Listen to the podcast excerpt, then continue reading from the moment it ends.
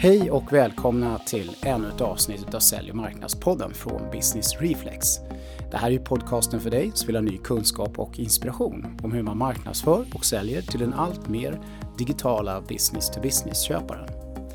I det här avsnittet så har jag nöjet att få intervjua The Social Media Professor Niklas Myhr. Och som det låter på namnet så är Niklas svensk men han bor sedan många år borta i USA och utbildar i digital marknadsföring på Chapman University i Kalifornien. Otroligt intressant att ha med Niklas i studion, eh, få ta del av hans eh, erfarenheter från universitetsvärlden, hans eh, kunskap kring den amerikanska digitala marknadsföringsscenen såklart. Han sitter ju i Kalifornien där det händer så otroligt mycket.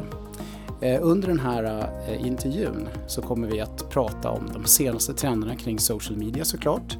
Vi kommer också in lite grann på vad som händer kring de här äh, stora digitala jätteföretagen. Det brusas ju en del och har kanske börjat brusas mer och mer här på senare tid kring dem. Och äh, till slut så pratar vi en del om äh, startups. Hur ska man tänka som startup när man ska göra digital marknadsföring? Niklas har också på med ett bokprojekt som han kommer att berätta lite mer om. Ett jättespännande projekt som kommer resultera i en bok senare i år. Så häng med! Eh, här kommer intervjun med The Social Media Professor Niklas Myhr. Hej och välkomna till Sälj och marknadspodden eh, Niklas Myhr. Tack så mycket Lars, eh, väldigt kul att vara tillbaks. Ja, tillbaka, precis. Du har ju varit med här förut. Men det kan ju vara många lyssnare som kanske inte vet vem du är. Så jag tror vi får börja med det. Du har ju en sån intressant titel. Niklas Myhr, The Social Media Professor. Ja, det är en eh, titel som är mitt artistnamn. Det är inte en formell titel, men eh, till vardags är jag verksam som eh, Assistant Professor of Marketing heter det, vid Chapman University i Kalifornien. Mm. Alltså, ursprungligen så är jag Pitebo som pluggar i Linköping och mm. jobbade i Stockholm några år innan jag då kom på att jag skulle till Amerika och doktorera. Mm, precis, och du är ingenjör i grunden. Ja, just det. Jag gick industriell ekonomi i Linköping som är den här varken hackat eller malet säger en, eller en, en del medan jag hävdar att man blir en generalist med djup. Ja, men det är bra. Jag tycker det är så otroligt spännande för jag är ingenjör själv nämligen och jag har hamnat ja. i den här digitala marknadsföringsvärlden. Och du är ingenjör och har blivit social media-professor. Det... ja, nej men att eh, det är ju eh, konstigt ibland hur man hamnar där man hamnar. Eh, samtidigt så har jag alltid känt mig social och vill hålla kontakten med folk och dessutom mm. teknikintresserad. Kanske inte den som har uppfunnit prylarna men att använda prylar och verktyg för att hålla kontakt med folk. Speciellt när jag har varit på en annan mm. sida av Atlanten. Så sociala medier var ju en dröm som blev verklighet för min del. Mm.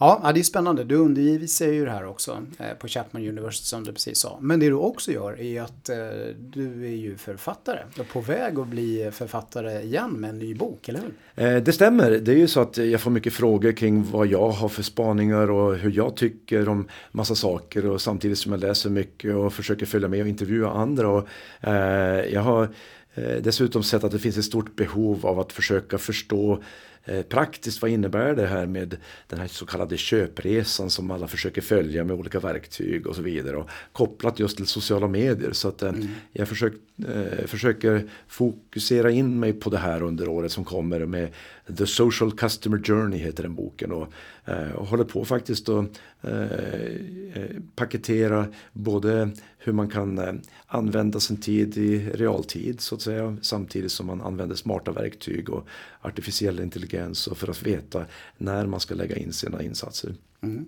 Så projektet rullar på här. Du har ju hållit på med det lite grann eh, och eh, det kommer accelerera lite nu och planen är att det ska komma ut någon bok under året. Ja, det är exakt. Eh, om det är någon som är intresserad så får ni gärna stötta det projektet för att jag har en kampanjsida på niklasmyr.com book mm. eller på niklasmyr.com eller mm. thesocialmediaprofessor.com och det, det, går ut på att man kan få vara med på resan under utvecklande och komma med synpunkter att det här borde du ta upp och eh, kanske ge feedback på utkast av kapitel kapitel under resans gång. Och, eh, det vore väldigt spännande att få lite mer svenska perspektiv också. För jag vet att det finns många här som mm. experimenterar med saker på väldigt avancerad nivå. Mm. Vi brukar ju alltid säga i Sälj marknadspodden att USA ligger långt före, vilket det ju fortfarande gör, tror jag, många avseenden när det gäller digital, digital marknadsföring och social media. Men, eh, men Sverige hostar på sig ganska bra tycker jag faktiskt. Ja, det är ju så att eh, många svenskar som pratar om digital marknadsföring, de jämför sig med Silicon Valley, men det är ett extremexempel i USA. Mm. Om man tittar på eh, gemene man i Amerika, eller gemene mm. kvinna, så är det ju inte eh, säkert att de är långt före en svensk användare. För i Sverige Nej. finns det ju många som är väldigt på när det gäller att använda smarta verktyg och med en infrastruktur som många gånger funkar bättre eh, så är det ju mycket som händer här också som jag försöker ta med mig när jag undervisar där borta. Mm, just det. Ja, men det ska bli spännande att följa bokprojektet. Eh, det finns nog en god anledning att få komma tillbaka en tredje gång till Sälj marknadspodden tror jag. Eh, när boken har sett dagens ljus och ja, är ute. Mm. Du, Eh, vi ska ju prata om en del andra spännande saker här idag i den här eh, podden. Och eh, jag tänkte att vi skulle börja lite grann just med social media. Nu när vi har dig här. Och titta på lite så här trendspaningar runt det. Jag tänkte att vi skulle börja med LinkedIn om det är okej okay för dig. Det känns sådär som att Microsoft köpte LinkedIn. Mm. De städade upp en hel del kring den här applikationen. Mm. Den blev snyggare och bättre, framförallt appen, eller apparna kanske ja, man ska säga. Absolut. Eh, men eh, nu känns det som att det har lugnat ner sig lite grann här och man går ju och funderar lite grann, jag tror många med mig. Mm. Vad kommer hända runt hörnet här nu med LinkedIn? Vad kommer Microsoft liksom att göra? Vad, vad tror du Niklas? Du spaningar?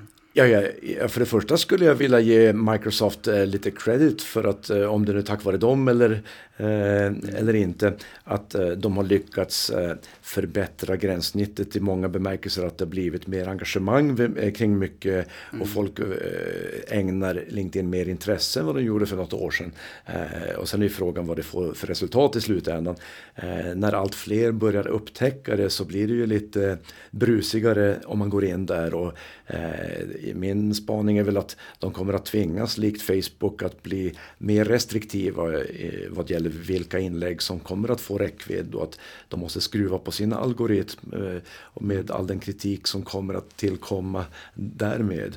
Hur prioriterar de? Vad är det för inlägg som prioriteras? Blir det filterbubblor? Och, eh, samtidigt som det kommer inte att gå att vi ska konsumera Eh, alla inlägg av alla vi känner. Utan det kommer ju att prioriteras ännu hårdare. Mm. De kommer att jobba med algoritmen helt enkelt på lite liknande vis som till exempel Facebook. För det är ju fortfarande så på LinkedIn att att eh, många är ju med på LinkedIn. Mm. I Sverige är det väl 2,5 miljoner någonstans ja, som är med på LinkedIn. Men, men man använder det ju inte alls lika frekvent och lika ofta som man använder eh, Facebook. Det är ju en väldig skillnad faktiskt. Eh, ett tecken på att det är ju relativt eh, lågt hängande frukt än så mm. länge är ju att mm. om du till exempel klickar gilla på någon annans inlägg så syns det väldigt tydligt i, eh, bland dina följare. Oj, bland någon som Eh, du kanske eh, slängde ut en gilla på att någon hade eh, lagt ut en kommentar och, och, att det blir ett inlägg i sig då, det här gillandet. Det är ju någonting som har drunknat i Facebooks massa av inlägg. Att det kanske inte är något stort nyhetsvärde att du gick och gillade ett inlägg. Men att det är liksom en stor grej för LinkedIn. Det är ett tecken på att de fortfarande har lite brist på egenskapat innehåll. Att folk kanske slänger ut en kommentar och det blir en nyhet i sig. Mm. Utan, eh, samtidigt som jag tror att det är allt fler som börjar experimentera med att lägga ut sina tankar och dela med sig av värdefullt innehåll och det tycker jag inte är något fel. Mm.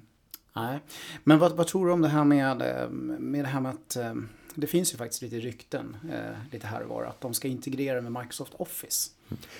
Jo men det, det är ju ganska uppenbar potential som finns där att man ser det här paketet, Office-paketet kanske blir en eh, ännu bättre konkurrent till Googles ekosystem när det gäller dokumenthantering och eh, affärsrelaterad verksamhet. Och det kanske krävs någonting sånt för att de ska lyckas ta upp den kampen. Eh, samtidigt som Eh, jag tror att det viktiga för dem om de ska göra det rätt det är att göra det på ett sätt så att man kan karva ut den integrationen och om man verkligen vill göra Office och LinkedIn tillsammans samtidigt som de ser till att LinkedIn i sig fortsätter vara ett värdefullt verktyg för de som absolut inte vill röra Office men kanske en dag kan lockas dit. Men att inte, att inte göra, tappa fokus på att eh, och bara fokusera på de som integrerar. För i så fall kommer ju de här som jobbar med Office-paketet och LinkedIn inte ha eh, hela floran av kontakter Nej. på det här nätverket. Nej, det är en delikat balansgång om de gör det här. Att det blir en värdeaddering till Office på många olika sätt ja. kan det bli. Men det gäller inte att förstöra liksom, eh, användarbasen kopplad till de som inte har Office. Ja, vi får väl se här om det kommer hända eller inte men det känns eh, tror jag ganska troligt i min värld i alla fall. Sen det här med annonseringen kan jag väl själv känna lite grann att de har ju egentligen bara ett vettigt annonsformat med sponsored updates och sponsored content. Det kommer komma nya mer avancerade annonsformer. Eh, och sådär. De har ju provat ja. lite grann men det har inte riktigt släppt. Så vi får väl se. Nej, men om de vill ha lite mer eh, kommers kring annonseringen så behöver de ju även jobba på att eh, själva gränssnittet mot de som annonserar mycket ja, blir mer så. användarvänligt likt Facebook som har verktyg som gör att de kan göra det i mm. större skala helt enkelt. Ja, det är ju väldigt rudimentärt måste man säga för oss som använder det där varje dag så eh, har de lite att jobba på. Eh, visst, samtidigt som det kommer ju då finnas eh, folk som blir upprörda så fort man introducerar mer annonser förstås då, och det gäller att introducera det i en takt som inte blir störande. Mm. Du, ehm, eh, en annan grej då, då, den här Sales Navigator som de ju lanserade. Eh, jag har ju provat att använda den och eh, det känns ju som att eh, den inte tillför så mycket värde. Framförallt inte i förhållande till vad, de, vad man får betala för den.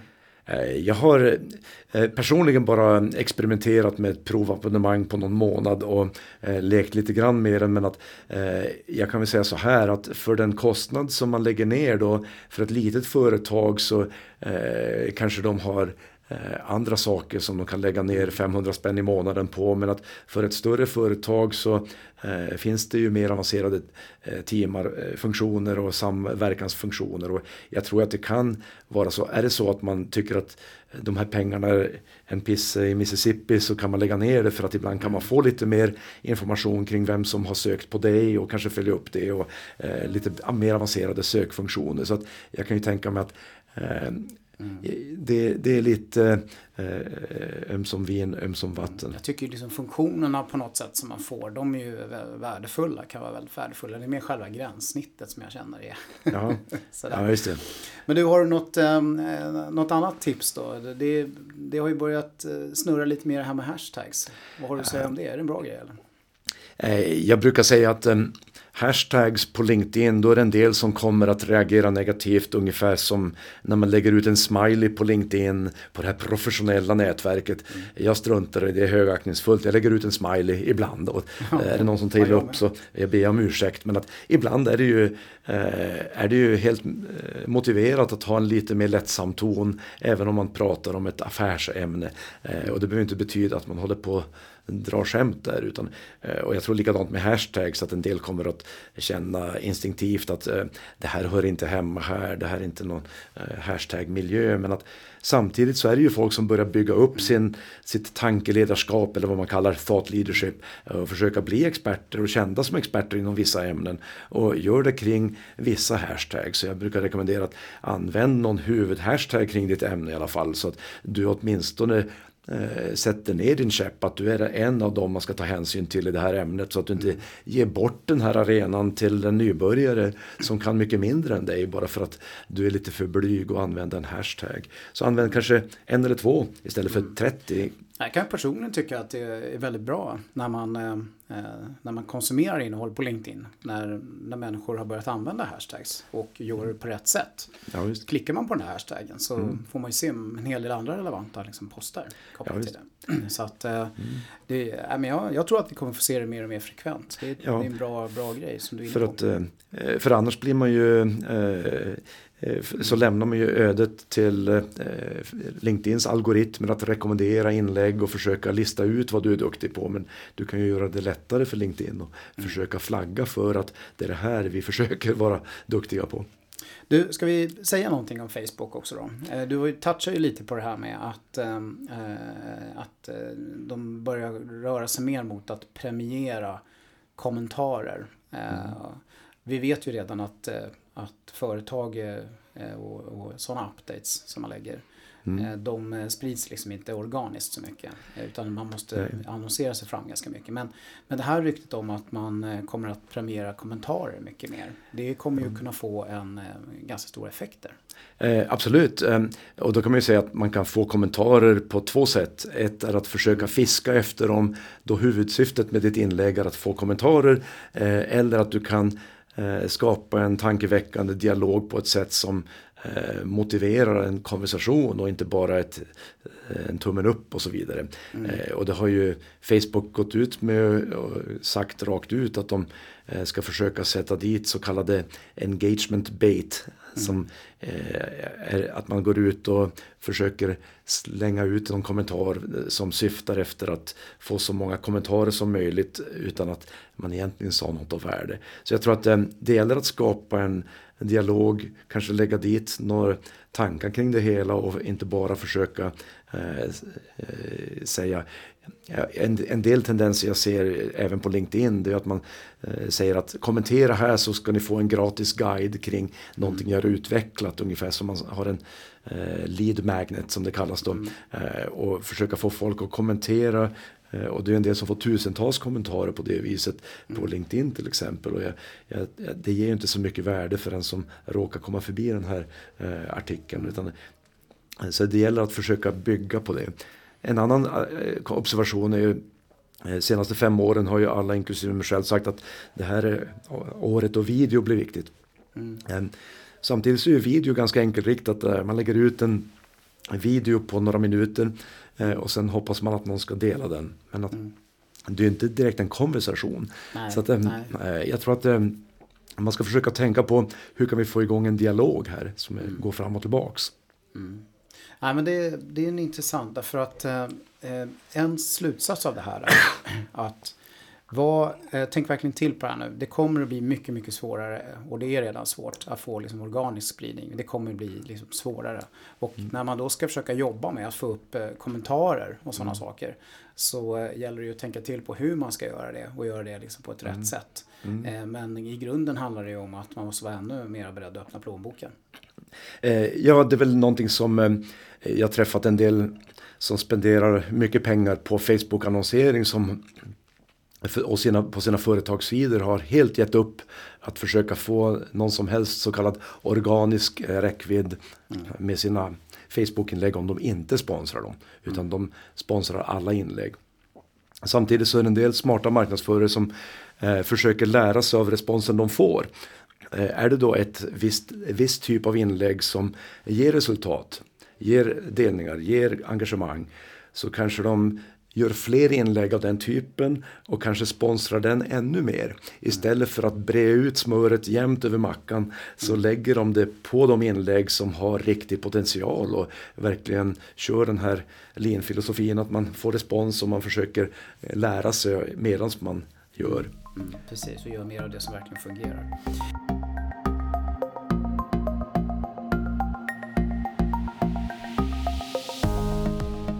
Du, eh, det kom ju här för inte allt för länge sedan en uppdatering på det som kallas för The Social Media Conversation Prism. Mm. Eh, eh, det är ju en cirkel som är indelad i tårtbitar där man har grupperat in alla social, social media-plattformar som finns i världen. Och är, mm. När man tittar på den här cirkeln så är det fascinerande hur många det finns till att börja med. Och eh, jag tänkte fråga dig lite grann så här. Eh, finns det några intressanta trender kopplat till det där? Vad, vad tror du lite grann eh, kring de här tårtbitarna och alla de här social media bitarna mm. som är där? Är det några uppstickare eller någon annat eh, intressant spaning? Eh, ja, Brian Solis som eh, det, står bakom den här då, eh, är, är, ju en föreläsare som varit och föreläst i mina trakter några gånger och eh, vi har haft några diskussioner kring det här customer experience som han fokuserar på. Mm. och en spaning är väl att det måste vara oerhört svårt att dela in det här i tårtbitar som inte har med varandra att göra. Eh, för att det blir ju allt fler sådana här meganätverk som gör fler av de här funktionerna. Mm. Som till exempel Facebook eh, som inte bara är under ett socialt nätverkskategori utan de är ju också en meddelande app och de är ju också eh, ja, en, ett mediebolag eh, och står ju för väldigt mycket av de här eh, kategorierna som de gör på något sätt inom sin egna plattform Facebook men sen även via Instagram och eh, Whatsapp som de har köpt. Men att om man tittar på en av de här tårtbitarna som Eh, jag märkte direkt som jag skulle vilja trycka på så är det den här med messaging apps mm. som kommer ännu mer eh, om man bara ser senaste året att eh, Eh, man brukar säga att man skulle tro att de här äldre skulle vara blyga att lägga ut saker publikt. Men nu ser man även det med tonåringar som Precis. inte alls är så publika som eh, vi kanske trodde för några år sedan. Utan de mm. håller mycket av sina konversationer och sina communities bakom stängda dörrar inom en inbjuden grupp. Ja, de, har, de har en grupp eh, officiellt externt där de lägger ut lite tillrättalagda saker för, för ordningens skull. Och sen har de liksom sina interna med, eh, med inbjudna medlemmar. Där, där det snurrar på, på ett helt annat sätt. Och det är väl där de lägger ner mycket av sin energi. Och det börjar ju med eh, Ja, det finns ju även inom nätverk som Snapchat, messaging och att man har sina eh, nätverk. Att man tänker att det är en konversation som kommer och går och inte nödvändigtvis arkiveras och finns i för all evighet. Det börjar med Snapchat med sex sekunders inlägg. Men att det är konversationer som man underhåller och upprätthåller de här streaks som det kallas. Min dotter har nu flera stycken. Hon har haft eh, konversationer med flera hundra dagar. Så att varje dag har de pratat fram och tillbaks med varandra. Och att det blir någon viktig signal det är någonting som sociologin har visat redan eh, inom social nätverksteori att det är inte bara vad du säger till varandra utan det är med vem du pratar och hur ofta och hur snabbt du svarar. Det i sig sänder en signal. Hur mycket värdesätter jag den här relationen? Mm. Och de, de vårdar ju verkligen sina relationer och många av dem kanske inte vill hoppa på de här publika plattformarna om de ser att de ser ut mer som eh, utåtriktade marknadsföringskanaler. Precis, Nej, men tittar man på den tårtbiten, messaging, så det ligger ju ett gäng loggor i den. Men de är ju otroligt stora de där. Mm. Och eh, det, det, det, är en känsla man får och de har, ju, eh, de har ju mycket mer än messaging, många av de här. Men de är väldigt stora och viktiga messagingplattformar, de där mm. loggorna som ligger där. Så alla de här andra som finns i de alla de andra tårtbitarna, i de andra liksom nischerna, de har det ganska tufft egentligen jämte de här stora. Ja, det är ju en del som bygger på de här grundläggande. Om man tittar på mm. Eh, appar som mäter inflytande så går de ju att kolla på de här stora. Och flera av de här andra är ju uppköpskandidater. Eller också har de byggts på eh, de här sociala nätverken. Som Airbnb till exempel så kan man ju bygga sin trovärdighet genom att koppla upp sitt Facebook-konto för att visa att jag har riktiga vänner eller mm. förmodat riktiga vänner. Och jag kan koppla upp mitt LinkedIn-nätverk. Ja, den här Niklas verkar vara trovärdig för han har, eh, finns på LinkedIn. Eller sånt där kan ju någon hyresvärd då, eh, mm. anta. Så att många av de här har ju inte ambitionen att eh, konkurrera med de här stora drakarna utan istället bygga innovationer kring dem eller på dem. Ja, och att det eh, naturligtvis finns utrymme för nischade företeelser såklart. Ehm, så att, eh, ja, det ska bli intressant att se. Vi får tacka Brian för att han eh, sammanställer det här. Han har ju faktiskt gjort det i ganska ja. många år. Nu kommer ju den här uppdateringen så att den kallas för 5.0 den här nu. Och vi kommer länka till den i poddavsnittet så att ni kan hitta den och titta på den. Det är ganska intressant. Du, ska vi avslutningsvis säga någonting om Twitter som ju ändå lever lite sådär någon sorts tynande tillvaro. Ja, vi kan lägga Sverige, ut en tweet. Ja. det är ja, det finns ju användare som använder det väldigt regelbundet som är väldigt kända. Mm. Men eh, vad ska vi säga om, om, om, om Twitter? Vad tror du? Vad, vad, är din kommentar? Hur ska vi tänka kring Twitter? Ja, jag brukar säga så här den senaste tiden då. Det är att eh, det blir ibland trendigt att eh, klanka ner på ett nätverk. Och det är väldigt lätt nu att gå ut och säga att Twitter är inte vad det var och de har gjort massa misstag och att det inte är kul att vara där eller det blir för brusigt och det, det kommer att gå åt skogen och så vidare. Men att eh, mitt i all denna negativitet så mm. tycker jag att det är viktigare att kanske ta fasta på Finns det några guldkorn kvar av användningsområden på Twitter som vi fortfarande bör bry oss om? För det kan ju faktiskt vara så att i takt med att andra hoppar på mer hippa nätverk så kanske det finns en en, eh, ännu mer utrymme att göra saker som eh, de jag skulle vilja identifiera är ju att Speciellt om det händer något stort i världen så är det ju fortfarande eh, det mest real time network där man kan se vad som händer. Om det är någon nyhet som man vill ha att göra med, som man vill kommentera eller lägga sig i den diskussionen med så kallad newsjacking. Och, eh, det kanske till och med någon PR-kris som drabbar ditt, din bransch och ditt företag och se vem det är som pratar och hit och dit och gå i svarsmål. Eller, eh, men den andra är eh, influencer outreach eller eh, nå ut till Eh, Eh, kända personer eller företagsledare så är det många som inte är på Twitter förstås men man kan selektivt gå in och snabbt kolla. Finns den här vi försöker nå aktivt på Twitter. Varför inte gå in den vägen om du inte har fått respons via traditionella kanaler eller LinkedIn etc. Varför inte gå in och retweeta deras inlägg, kommentera, skicka en snabb kommentar. För det är så mycket lättare för dem att kommentera och de behöver inte gå via någon gatekeeper och receptionist eller någon som screenar deras e-mail. Utan det kan ju vara värt ett försök. Ja, nej men eh, precis. Ja, men det, det, är ju verkligen så att eh, min erfarenhet av Jag tycker faktiskt väldigt bra om Twitter också själv personligen. Men det, det är ju inom vissa olika nischer, eh, så specialistområden och så. Jätteintressant mm. att hålla sig uppdaterad, teknikområden. Mycket kring sådana här mässor och events är ju fortfarande mm. väldigt viktig, viktig kanal. Ja, ja, ja man, men det kommer att överleva är det vi, vi, säger i alla fall. Och det finns helt klart ett intressant användningsområde både nu och framåt för många. Ja visst, nej, men visst behöver de uh, utveckla sig själva och uh, försöka hitta vägar framåt för att vara relevanta för fler. För att jag måste ju tillstå att när jag undervisar 20-åringar så har jag allt svårare år för år att få dem att överhuvudtaget ge Twitter en seriös chans. och det går ju bara med övningar i min klass och sånt där, eh, bara så långt att försöka tvinga dem. Utan men man märker att det är mer och mer uppförsbacke så visst är det en varningssignal för framtiden för nätverket eh, om det är många som eh, tycker att första reaktionen lever ofta kvar. Att det är för mycket noise och det, de, det, jag försöker förgäves ibland att utbilda om möjligheter att lyssna selektivt med filter eller sökord. Och du måste ju inte läsa alla tweets bara för att du finns nej, på Twitter. Nej, precis. Nej. Ja, vi får se.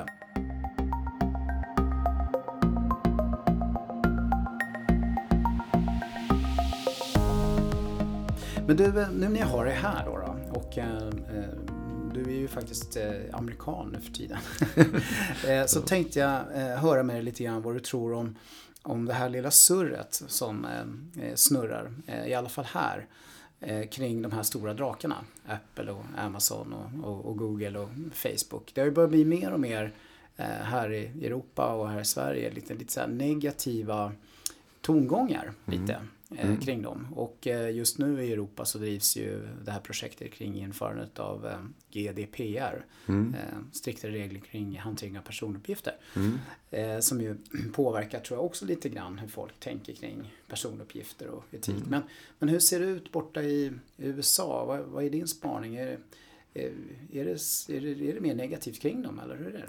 Eh, jag ska inte säga att det är majoriteten som är negativa men det finns mer snack kring det nu. Eh, det, det är allt fler som eh, börjar lite förvånat höja på ögonbrynen och tänka hur, hur kunde vi hamna i en sån situation där de här teknikföretagen som var unga, hippa och coola helt plötsligt vet allt om oss, betalar ingen skatt och anställer inte speciellt många och kanske dessutom då ja, Eh, det är väl en, eh, de, de borde kanske ta ett större ansvar än vad de har visat i alla fall utåt sett än vad de eh, i framtiden. För att de har ju definitivt makt idag som ingen kunde förutspå och det är svårt att tänka sig att de ska lätt kunna Eh, konkurreras ut så de har ju nästan monopolsituation i vissa marknader. Då, då finns det ju en diskussion nu då, eh, är det en fri marknadsekonomi som USA står för eller är det nu att det är konkurrenshämmande om de har blivit för stora? Eh, och då finns det ju två sätt att angripa det på för ett företag som de här fyra, Amazon, Apple, och Facebook och Google i första hand. Då, att antingen då väntar vi tills eh, lagarna ändras och vi måste anpassa oss och lite motvilligt anpassa oss till det här europeiska lagverket som redan har drabbat dem i flera bemärkelser och mm. betala skatt och så vidare. Um, eller ska vi proaktivt gå ut och ändra på oss innan vi tvingas göra det för att kanske stävja eh, den här eh, rusningen i lagstiftande organ och försöka kanske även då få allmänheten med oss. Och jag tror att allt fler så kommer de att hitta på olika sätt där de visar att de tar ett ansvar. Men det är ju klart att de har fått kritik förut och eh, Apple till exempel kunde ju eh, ganska länge eh, helt strunta i att redovisa någonting om sin leverantörskedja utan det var deras affärshemligheter. Men att jag kommer ihåg att det var 7-8 år sedan eller sånt där. De, eh, slutligen så var de tvungna att åtminstone publicera en lista på vilka leverantörer de hade. Mm. Men att inga data om hur mycket eh, föroreningar eller anställda och sånt där. Men att gradvis har Tim Cook nu blivit mer engagerad i eh, så kallad sustainable supply chains till exempel i Kina och visa att de visst bryr sig och så vidare. Och sen får ju folk bedöma hur mycket de bryr sig. Men att, ja. man kan säga att de har ökat transparensen lite jämfört med att ha varit väldigt hemlighetsfulla. Mm. Ja, nej, så att eh, det, det, det, pratas mer och mer borta i USA också och saker och ting kommer ju helt klart att hända. Och vissa uttalanden har ju faktiskt redan kommit som sagt var i, i den här lite mera återhållsamma, mm.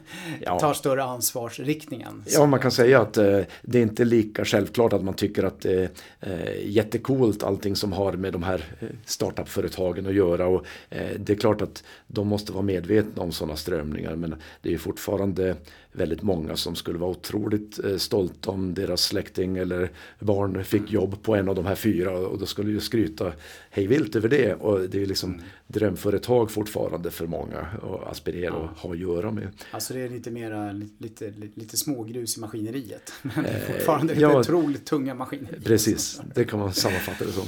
Men du, eh, eh jag tänkte också att vi slutgiltigt ska prata lite startups. Mm. Eh, eftersom vi har det här. Det, det är ju eh, Kalifornien eh, och Silicon Valley och startups. Då måste vi prata lite om det känner jag. Och det är ju så att Business Reflex har ju faktiskt precis här i dagarna släppt en guide Mm. en Go-to-market-guide för startups. Mm. Och i den här Go-to-market-guiden för startups så har vi lite grann en ansats. Mm. Den här ansatsen är att startups ska se till att börja göra marknadsföring mycket tidigare. Mm. Kanske till och med innan man ens en gång har sin produkt färdig.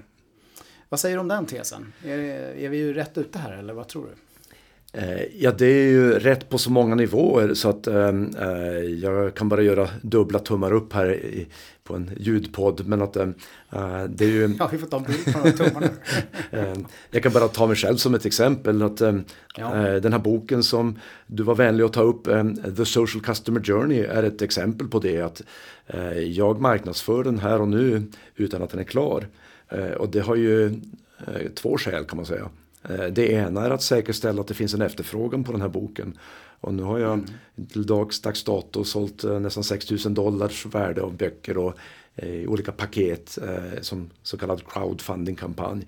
Det är ju motiverande och hjälper mig att lansera den på ett sätt som den får en eh, chans i marknadsplatsen då för att eh, nå en... Mm. Ja, du har kunder innan boken finns helt Ja, mm. och det motiverar ju mig i skrivandet och det är ju någonting som gör att hade ingen köpt den på förköp då man mm. bara har ett bokomslag och en titel då kanske jag inte hade skrivit den.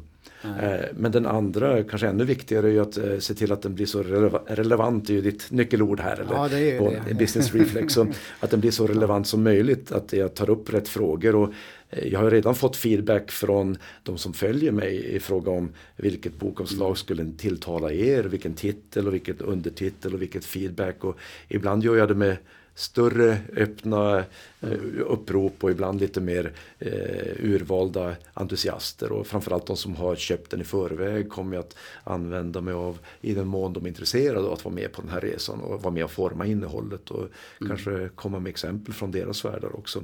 Och det kommer ju innebära att sannolikheten att den här produkten kommer att möta en marknads efterfrågan ökar ju dramatiskt. Och det kan man ju mm. prata med tech-startups också. Det gäller ju att lyssna selektivt kanske ibland. Eh, ett tech-startup, problemet med dem är ju att de ofta kommer med radikal innovation som ingen kan relatera till för det har inte funnits tidigare. Så det kanske kräver att man ibland har lite mer djuplodande fokusgrupper med en minimum viable product i alfaversion, inom betaversion och, och så vidare. Men att eh, man kanske rent spontant så är det många som kanske är förvirrade om man gör en allmän enkät där ute på mm. stora marknaden då de inte riktigt kan relatera till vad de ska göra. Så det är en utbildande funktion också. Eh, men om man då har identifierat de här entusiasterna sen och dels har de varit med och forma produkten eh, och när den väl är klar så förhoppningsvis ju en del av dem känner sig delaktiga i projektet så att de dessutom vill vara, eh, hjälpa dig som ambassadörer och sprida budskapet för att de har varit med mm. på resan. Ja men det är skönt att höra då att vi är rätt ute med vår tes här. Ja. och det öppnar ju naturligtvis upp också fantastiska möjligheter att använda social media för att driva hela den här grejen innan produkten mm. finns helt enkelt. För att bygga liksom en, en audience innan man har någonting att sälja egentligen. Ja. Eller i alla fall att leverera. Ja, och jag skulle lägga till där att jag tror att det är viktigt att inte bara identifiera de som förköper din produkt utan även de som visar intresse och hjälpa dig att promota den och komma med feedback utan att de, de kanske inte behöver den här produkten men de kanske ändå vill hjälpa dig på olika sätt och även premiera dem och försöka eh, ge dem lite uppmärksamhet och lite kärlek. Eh, Eh, för att ja. Eh, de kan ju vara väl så viktiga som influencers. Ja, det ska bli intressant att se lite grann nu när fler och fler startups kommer börja tänka så här och göra så här. Hur, hur investerare kommer att reagera kring det här. Är de beredda att investera i de här marknadsinvesteringarna mm. i Indofins produkter? Mm. Och framförallt, hur kommer de att värdesätta att du faktiskt har en, eh, en eh, publik och kunder och grejer innan eller mm. samtidigt som din produkt faktiskt lanseras. För det finns mm. ju ett stort värde i det förstås. Ja, och du har liksom redan en go-to-market modell mm. innan du har något att leverera mm. och sälja. Så det ska bli spännande. Eh, det kanske finns några investerare som lyssnar på det här som kanske är intresserade av Exakt. Ja. diskutera Nej. frågan så får vi se. Absolut.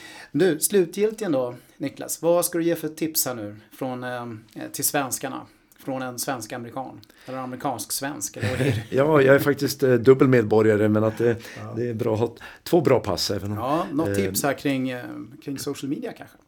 Eh, ja, det är väl lite grann att eh, kan låta lite förvånande från en social media professor men att eh, jag brukar påminna mina studenter och säga att man ska inte glömma bort de konventionella verktygen i kombination med sociala medier. Det kan vara så att man tack vare sociala medier vet vilka relationer vi vill vidmakthålla och förstår vilka som skulle passa att ha att göra med. Och man, men man ska inte glömma bort att ta upp telefonen ibland. Och, eh, jag träffade en gammal dam på en entreprenörskapskonferens och hon sa uh, Nick, would you like to see a tool that made me a million bucks? Ja, uh, mm. yeah, sure. så tog hon fram en guldpläterad telefonlur hon hade kopplat till sin oh. mobiltelefon okay. för att påminna sig själv om att den här mänskliga traditionella kontakten är icke att förglömma. så man kan ju använda de här sociala medierna för att veta vem man vill ha att göra med, var de kommer finnas och vilka frågor man ska ställa. Så att man mm. sen då kan lättare då hålla kontakt med någon som Lars Dahlberg i Gamla stan så att när jag råkar vara i Stockholm så ringer slump att jag råkar dyka upp här nu då eh, tack vare att vi har stämt av våra koordinater. Eh, men att eh, har man möjlighet med det fysiska mötet är det ju ännu bättre än telefonen. Så att, eh, pröva, pröva det i kombination med sociala medier. Ja. Det är väl mitt tips. Ja, men det är bra. De, de som har kommit långt och börjat utnyttja sociala medier ser verkligen till att använda med förstånd och tappa inte bort den sociala, riktiga interaktionen med människor. Absolut. Ja, det är bra. Det, då tackar vi dig, eh, Niklas Myr, för detta. Ska du slutligen säga var man hittar dig personligen då i den digitala etern? Ja, Överallt är kanske svaret då, men du har kanske något ställe att peka om? Ja, en del säger att man bara ska ha ett ställe för att det ska vara ja. lätt, men att väljer man ett ställe så kan man gå till thesocialmediaprofessor.com. Eh, och, eh, men så finns jag även på mitt namn som ingen Amerika kan stava, Niklas Myr Niklas med K och Myr med H, niklasmyr.com. Eh, välkomna att höra av er. Toppen. Tack så jättemycket. Eh, tack Lars. Och eh, till alla er lyssnare där ute, som vanligt så ska vi säga det att eh, glöm inte bort att vara relevanta. relevanta.